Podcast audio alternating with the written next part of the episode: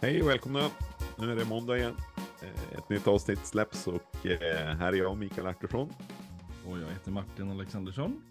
Och podden du lyssnar till är ju Leva Mission och eh, temat för den här säsongen är lärjungaskap och växa i lärjungaskap. Vi bearbetar lite olika frågor vartefter. Och idag och också några gånger framåt så, så har vi liksom tänkt att men det här blir, det blir någonting som, som hänger ihop delvis. Det går att lyssna på var för sig. Men vi tänkte eh, brottas kring frågor. Vad är det för attityder som påverkar mitt lärjungaskap idag? Och kopplingen att vara kristen, att vara lärjunge i, i, det om, i, ett, i ett sammanhang, i ett Mm. samhälle. Helt enkelt. Eh, vi ska kasta oss tillbaka nästan hundra år i historien. Så är det. Ehm, Var är vi då? väldigt långt då när du sa det så. Men, eh, ja, men det berättas om, om tyske prästen Dietrich Bonhoeffer som då levde i Tyskland. Eh, när nazisterna tog över makten. Att han såg hur de var väldigt medvetna och strategiska i att ja, men indoktrinera folket i sina ideologier. Ehm, såg att de inte lämnar något åt slumpen och att det var en väldigt stark formning av människor från eh, ja, men vad vi skulle kalla förskola idag eh, upp genom skolsystem och, och även egna samman- sammankomster. Men det var väldigt, det var en stark, stark skolning. Mm. Och Ideologiskt liksom. Ja, precis. Mm. Ehm, och det blev ju också beteendemässigt allt möjligt ju såklart i det. Mm. Men att den starka skolningen såg han då att ja, men det här går ju på tvärs med ett lärjungaskap. Och då gjorde analysen att vår lärjungaträning måste vara starkare än det här. För att det här är starkt och, och, och bra gjort. Så om inte vi ska lyckas med så måste vi göra vårt bättre. Just det. Så eh, ja, där, det, det var ju eh, han var ju eh, kristen präst, i, Luthers präst i, i 30-talets Tyskland och, och eh, fick ju så småningom också plikta med sitt liv för sin, för sin tros skull och för sin övertygelses skull. Eh, men, men jag tänker eh, att vara i ett samhälle, det där var ju ett, det är ju ett extremt sammanhang naturligtvis. 30-talets nazist-Tyskland och, och vi finns i, i, i Sverige idag och eh, parallellerna är ju, är ju inte, är inte det vi, vi söker utan eh, när vi tar upp det här exemplet utan det är ju liksom vad är det det här han såg, principen av att, Mm. att se någonting och att se eh, krafter i rörelse eh, och vad det betyder för, Mm. för det egna lärjungaskapet och formandet av lärjungar.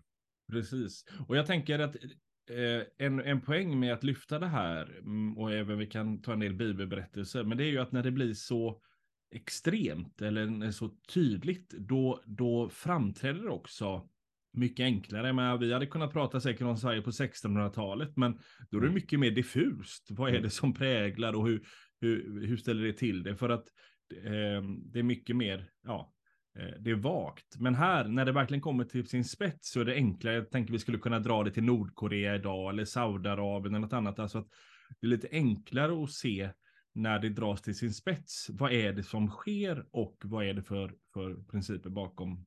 Och jag tänker ett, ett bibliskt exempel man skulle kunna lyfta är ju Daniel och hans kompisar i början av Daniels bok, när alla ska, ska buga sig för den tidens då ideologi och, och härskare. Eh, och hur, hur, hur hela samhället gör det. Men att de utifrån sin tro då inser att men det kan ju inte vi göra. Mm. Ehm, och det är ju väldigt mycket, vi, vi skulle kunna prata om Daniel här också, alltså att eh, det är faktiskt väldigt intressant. Man, man tror ju att Daniel och hans kompisar, när de då sänds i exil, är de i yngre tonåren. Just det. Eh, Så pass föräldrar- unga och ändå så Ja. övertygade. Precis, och föräldralösa så att säga, eller har inga Mm. föräldrar med sig. Alltså Mm. hur, vad har man skolat dem i Mm. som gör att de inte böjer sig för den kejsaren när de är, ehm, ja men då främlingar i ett, ja, eller fångar i ett främmande land utan sin kontext. Alltså Mm. vad, hur har man förberett dem? Och det är ju precis samma sak som Bonhoeffer är inne på. Alltså hur förbereder vi och hur, hur, hur rustar vi oss själva och varandra så att vi Mm. inte böjer oss för det här som vi ser inte kommer från Gud. Nej, men exakt. Och jag tänker att eh, ehm, på våren så, så varnar man ju ner, numera i, i väderappar och sådär för höga flöden i vattendrag och sådär. Alltså att eh, det som är eh, i, vissa, i vissa lägen så, så, så blir det eh, åar och floder, eh, de får, får en annan, ehm, ett annat beteende än, än annars. Och, att, att, och varför kommer varningarna? Jo, därför att det är ju, det är ju så vanskligt att vara när, i en ström när den är typ okontrollerad och, och väldigt stark. Mm. Eh, och jag tänker att det är en bild att beskriva det här att, att, ja, men, att lärjungaskap ofta handlar just om att, att gå eh, i den motsatta riktningen än vad, vad samhällets ström flyter. Ibland är den så här kraftfull som i, Mm. i ett så här eh, ideologiskt system som nazist, nazismen eller i eh, Daniels fall eller Nordkorea med så Mm. det är ju väldigt snarlikt egentligen det här liksom att men det, det är nog despoter som, Mm. som tar makten och kräver en total underkastelse och så vidare. Mm. Ibland är det ju inte sådär, eh, det, det är mera liksom, det flyter på eh, och vi, vi men är man mitt i det så kanske man inte ens märker att det är en, en ström som går egentligen på tvärs mot, eh, mot eh, att säga ett kristet lärjungaskap eller en efterföljelse till Jesus. Ibland tar man ju den här bilden av, av eh, ja, men hur ska man koka en groda? Jag, jag s- sätter i den i en kokande kastrull så kommer den hoppa därifrån av, av, eh, av ren förskräckelse och, liksom den smärta som det gör. Men, men om, om vattnet gradvis värms upp, Mm. eh, då märker ni inte av det här. Och det är väl liksom vattnet och strömmen och, och Mm. en, en sakta uppvärmning eller ett, ett massivt flöde. Allt det här spelar ju liksom in för hur man uppmärksammar saker och ting. Absolut. Och det är klart att om man tar den bilden då också så är det, är det ju väldigt... Eh, eh, är du mitt i det och tänker, jag menar så att du ligger, någon sån här stor älv, Klarälven är ju då, som jag kommer söderifrån, men det är väl långt bort för, från dig Mm. då. Men, men jag tänker den är, när man, när jag ser den så är ju den, ser ju den ut som en sjö ganska ofta. Ja. Alltså att den är, eh, ser ut att vara helt still. Skulle man vara mitt i den på en flotte eller på en, en båt eller något, så tror man ju, känslan är att jag är som jag är på en sjö, jag, jag ligger still. Mm. Men är man mitt i det där och då inte har någon, någon koppling till botten eller sitter fast i något, så kommer du ju driva ut. Ja, det kommer väl Ja. ut någonstans i Gävle eller vad det rinner ut. Ja, men, Okej, nej, vi får det- ta den lektionen sen. Nej, det är precis, vi släpper geografin. Men, men jag tänker det är en väldigt bra bild medan när, om jag går ut och ställer mig till knäna i en å.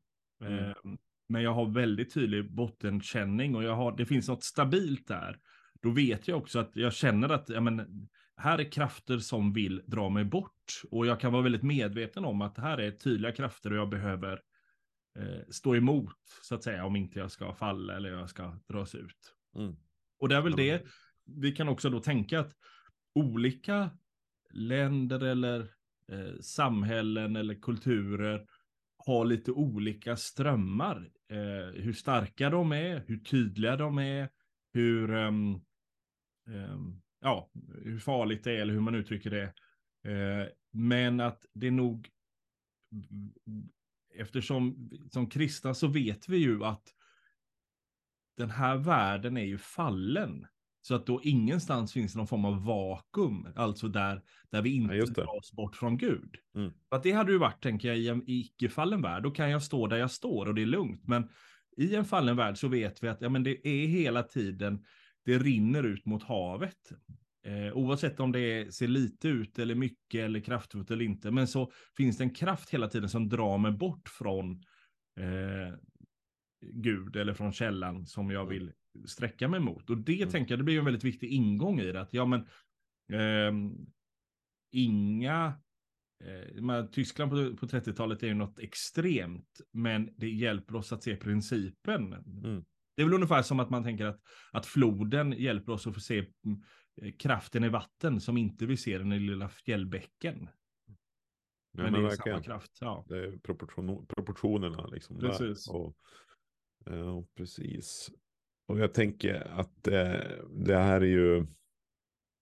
De, ibland kan man ju lite, jag undrar vad du tänker just kring, ibland kan vi ju blicka tillbaka i, i svensk historia och svensk, eh, inte minst skolan till exempel, att, att men för 50-100 år sedan så var det en självklarhet att ha morgonbön varje, Mm. varje dag i skolan. Och, och vi kan blicka liksom lite nostalgiskt och tänka att ja, men det där var, det var en bra tid. Det var, en- det var, det var ett uttryck för att eh, Sverige var ett kristet land och, Mm. och liksom. Eh, men det jag undrar över är, var det en, var det en mer gynnsam miljö liksom för lärjungaskap? Eller eh, hur, hur tänker du att, att liksom vi som kyrka agerade då? Eh, Precis, men är inte detta lite dilemmat att vi, vi är så... Det, blir väldigt, det är lätt att vi tänker väldigt linjärt. Alltså, det, det här... Vi gjorde någon sak och så det ledde det till något annat och det var antingen bra eller dåligt. Är, om man vänder på frågan så tänker jag ibland så pratar vi om, om kyrkan i förföljelse.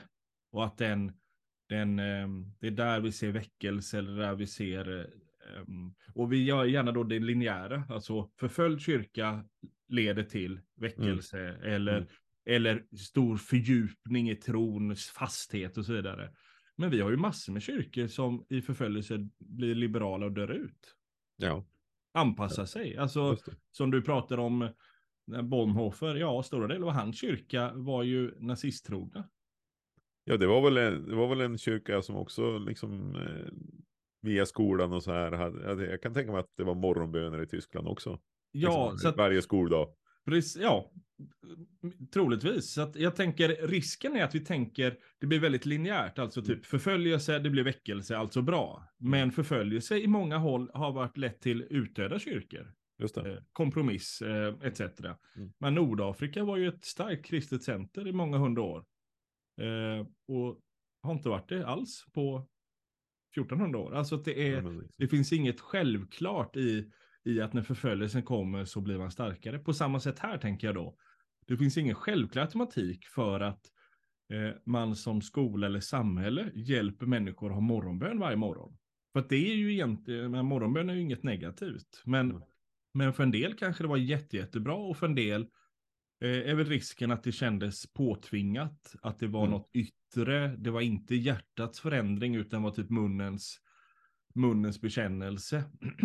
Det kanske Eh. blev liksom som att man fick en sån här teflonyta över sitt liv som i Ja. stekpannan. Att ja, Ja. Men, allting bara glider iväg ifrån det. Så fort det närmar sig det kristna, Ja. liksom, ja, men då är man, eh, ja, man är vaccinerad för det. Liksom, Ja, precis. Jag vet hon eh, katolska författaren Gunnel Wallqvist som satt i Svenska Akademin. Hon uttrycker det i något av sina böcker så här att den, alltså svensken har fått små ofarliga doser Mm. av kristen tro, alltså Mm. som ett vaccin. Precis. Ehm, och det, ja, det är hennes, hennes eh, bild av det, men det är inte omöjligt att, eh, eh, jag tänker vår föräldrageneration, så finns det rätt många människor som, som nog skulle uttrycka sig så. Mm. Eh, alltså jag har fått väldigt mycket doser av kristen tro och jag är inte intresserad av det. Man vet redan, Ja, man vet redan Ja, vad det handlar om. precis. Liksom, om jag... Ja. ehm, Mm. nej men så att jag tror att precis där att, att ehm, och, och det är klart att ehm, baksidan, om man tar en sån grej då med, med skolandakt, så blir väl baksidan att, att det, eh, det är mer det påtvingat och det är mer de yttre bitarna ehm, snarare än hur förändras mitt beteende, vad hamnar relationen med Jesus? Alltså, Mm. det, det är ju ehm, betydligt mer sekundära frågor. Mm. Eh, Så att man skulle väl kunna uttrycka det att, att de här krafterna som ställer till det, alltså de här bäckarna eller åarna eller floderna vi pratar om, Mm. är ju ganska olika ehm, i olika sammanhang. Alltså ibland kan de vara väldigt eh, ogudaktiga i sin eh, i, i- i sitt eh, väsen, alltså att alla ska böja sig under under någon kejsare och tillbe honom. Mm. Men de kan ju också då vara lite mer fromma i sitt väsen. Ja men Mm. typ en morgonandakt, det låter väl bra. Att alla ska vara på den. Då får alla höra ett bibelord. Mm. Men det är klart att frågan är v- vad leder det till? Alltså Mm. är det självklart en, en hjälp? Eh, för att jag tänker också om man bara tar den bilden två varv till. Så det man gör där är ju att familjen har lämnat mycket av barnens trosutveckling på församlingen. Och församlingen lägger det på skolan. Så att man har alltså abdikerat det i, i, i flera led. Mm. Eh, och det är ju ingen höjdar, eh, höjdargrej. Eh, Nej, man börjar ta saker för givet, liksom att det här sker ju ändå. Ja. Och, och liksom blir- ans ansvaret Precis, och då kan förflyt, vi... förskjuts. Ja, och då Mm. kan vi göra väldigt mycket. Då slipper vi ta i det. Vi kan göra de Ja. andra sakerna. Ja. Ehm, Nej, Men jag tänker det, Mm. jag, jag kan se det i mitt eget, alltså det blir väldigt, det blir väldigt, ehm, det blir väldigt tydligt, jag som har lite mindre barn, eh, jag menar att de påverkas ju, de lär sig, eh, det är mycket i, det, i deras förskola, eh, av attityder, ja, men det kan ju vara bara att kompisar som, som, eh, som eh, har attityder av att mm, du vet, barn får inte vara med och leka eller du är tjock eller du... Eh, men det finns massor med grejer som barn säger som de kommer hem och säger som man undrar var kom det ifrån? Mm. Till mer ideologiska bitar och en del är ju väldigt subtilt ideologiska så satsa på dig själv eller eh, ehm, du måste ha en ny iPhone när du är sex år gammal. Alltså det finns massor med beteenden där som vi ser, ja, men det här är ju inte här är ju strömningar som, som inte, eh, som går på tvärs med mycket av, av kristen tro. Mm. Eh, till, Nej, men, ja, ja. Nej, men allt det här, det, sum- summan av det är ju att, som vi sa här tidigare, att eh, vårt lärjungaskap, vår efterföljelse, det, det är inte i ett vakuum. Oavsett var vi befinner oss så är Nej. det, är det annat som vill forma oss och, och eh, eh, som vi lätt liksom följer, Mm. följer i. Eh, vi, kan, vi kan vara totalt omedvetna om det, liksom det Mm. kan pågå. Eh, eller också är det i högsta grad eh, en, en liksom krafter som, som, som påverkar och, och, och så. Mm. Eh, men men eh, man kan ju också tänka, jag tänker på Bono, för han var ju väldigt ensam i sitt slag att på något sätt, åtminstone vad vi vet, genomskåda det här. Mm. Och eh, jag tror att han tänkte hela linjen ut på något sätt. Vad, vad, vad leder, vart leder det här oss? Som, Precis. som kyrka och, och ett samhälle som ser ut så här. Ja. Eh, för det är klart att det var ju många där som, som tog emot delar av det här, i alla fall med, med glädje och såg att det innebar mycket bra bitar också. Med ett, ett politiskt styre som, som liksom Absolut. lyfte, lyfte det tyska samhället på något sätt. Och, Ja, jag tänker, och, eh, precis så mycket andra saker. Men man jobbade mycket med motorvägar, man införde Ja. barnbidrag. Det är inga problem att som kristen tycka de två sakerna är bra. Alltså, nej, det- men visst. Ehm, men, men är inte principen här ganska intressant då också? Att, att ehm, för jag menar, det, det måste ju varit många av hans vänner och kollegor och, som är kristna, men som inte genomskådar detta, alltså Mm. som hamnar galet. Ja. Ehm, och är det, inte, är det inte här vi är inne på någonting också att, att det vi i efterhand och utom från sidan skulle definieras som ondska definieras nästan alltid själva som godhet. Ja. Till och med Allt- kärleksfullt i Ja. vissa stycken. Eh, och omsorg, alltså att jag tänker vi har haft massor med totalitära regimer. Um, men, men det är ju ingen av dem som jag vet som har, har sagt att vi är onda. Utan alla har ju kämpat för det goda. Uh, men nu, vi, vi har Ryssland som har attackerat ett, ett land här sedan ett eh, bra tag. Eh, ja, flera grannländer genom åren. Men, men det är ju inte så att man ser det, men vi gör det här för vi är onda. Utan det är ju precis tvärtom. Går vi på, på Moskvas gator och intervjuar människor så är det ju inte, ja men vi gör det här för att vi är onda. Utan det är ju vi som är, det är vi som är de goda. Det är vi som kämpar för det, för det rätta. Mm. Um, vi har massor med kommunistiska stater som har, har haft ihjäl massor, mängd, ja, men man har, ja, Sovjet skickade dem till Gulag och i Kambodja hade man ihjäl var tredje invånare för de var för välutbildade. Det är ju ingen av dem som skulle hävda att vi var onda. Nej. Utan alla vet ju att vi var goda, vi kämpade det goda. Goda sakens skull. Liksom. Ja, ja ehm, eh, och jag definierad då från, från deras sida naturligtvis. Ja, nej men absolut. Ja, ja, Mm. ja det är inte objektivt gott. Nej. Men, men jag tror att eh, vi kan åka till någon militärjunta i Burma idag eller ehm, ehm, ja, Chile på 70-talet. Alltså alla de här, alltså det har ingenting med politiskt system, utan alla är ju goda. Eh, eller om vi tar något annat, eh, ehm, politiker, både till höger och vänster i västvärlden, menar, alla tror att de är goda. Eh, det är ju ingen, eh, kommer ju ett nytt eh, amerikanskt presidentval här, vi får se vilka som ställer upp om ett tag. Men jag menar, det är ju inte så att någon säger, ja men nu vill jag bli vald igen för att jag är ond, utan det är ju för att jag är, vill göra vårt lands bästa. Mm. Ehm, Ja. Så att, att det illustrerar väl också att bara för att det låter gott eller man pratar i goda termer, alltså att, är det, poängen är väl att allt, allt definierar sig själv som gott och rätt och riktigt. Mm. Eh, och det gör ju, tänker jag, det manar ju till eftertanke för att Mm. det, det gör ju att det blir väldigt, måste ju vara enkelt för oss att sugas med. Mm. Eh, det är ju jättelätt att tänka på Bonhoeffer och säga, men hade jag varit eh, Luthers press i Tyskland då, då hade jag hamnat med Bonhoeffer. Eh, Mm. Statistiskt sett så hade jag ju hamnat fel. Eh, Ja, men så är det ju. Så är det ju. och, och där blir det ju mm, maningen till eftertanke i vår tid eller i, i andra tider. Alltså hur, vad är det, vad är det hos oss idag? Eller vad, vad är det som kan komma? Och, och hur, hur kan jag förbereda mig? Hur kan jag förbereda mina barn, min församling etc. Mm. Ja, men eh, det där är ju. Vi sa här tidigare liksom att ja, men vi lever i, vi lever i en, en fallen värld, det vill säga en värld som har, har gått bort från Gud från första stund. Och, och Mm. liksom, eh, med det i åtanke så, eh, så hör vi ju liksom också Bibelns ord eh, mana oss till vaksamhet, liksom att vara vakna, att vara eh, alerta, ska Mm. jag nog säga. För, ja, men, hur, hur ser det ut från oss? Är, hos oss? Vad är det som, som leder eh, i en annan riktning än i en efterföljelse av, av Jesus?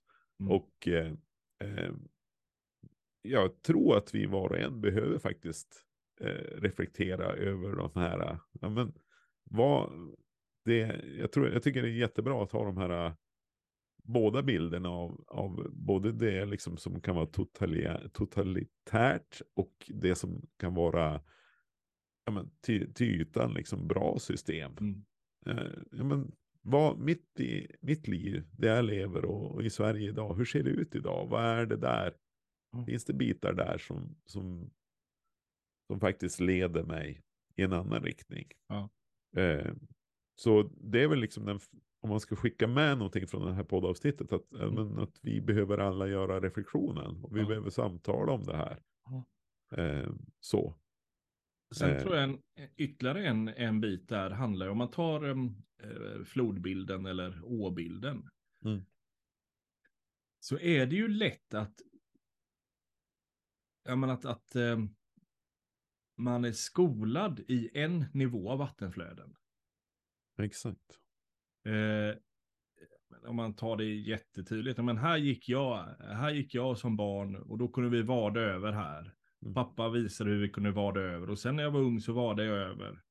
Eh, så jag vet och nu har jag barn så nu ska vi vada över. Alltså att det, det finns en, eh, jag har lärt mig utifrån historiska vattenflöden. Och alltså då med andra ord, jag, mitt lärjungaskap är skolad i, i, i den kontext jag växte upp i.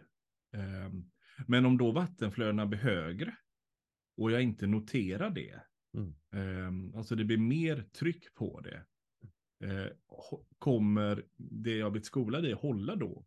Eller kommer jag dras med?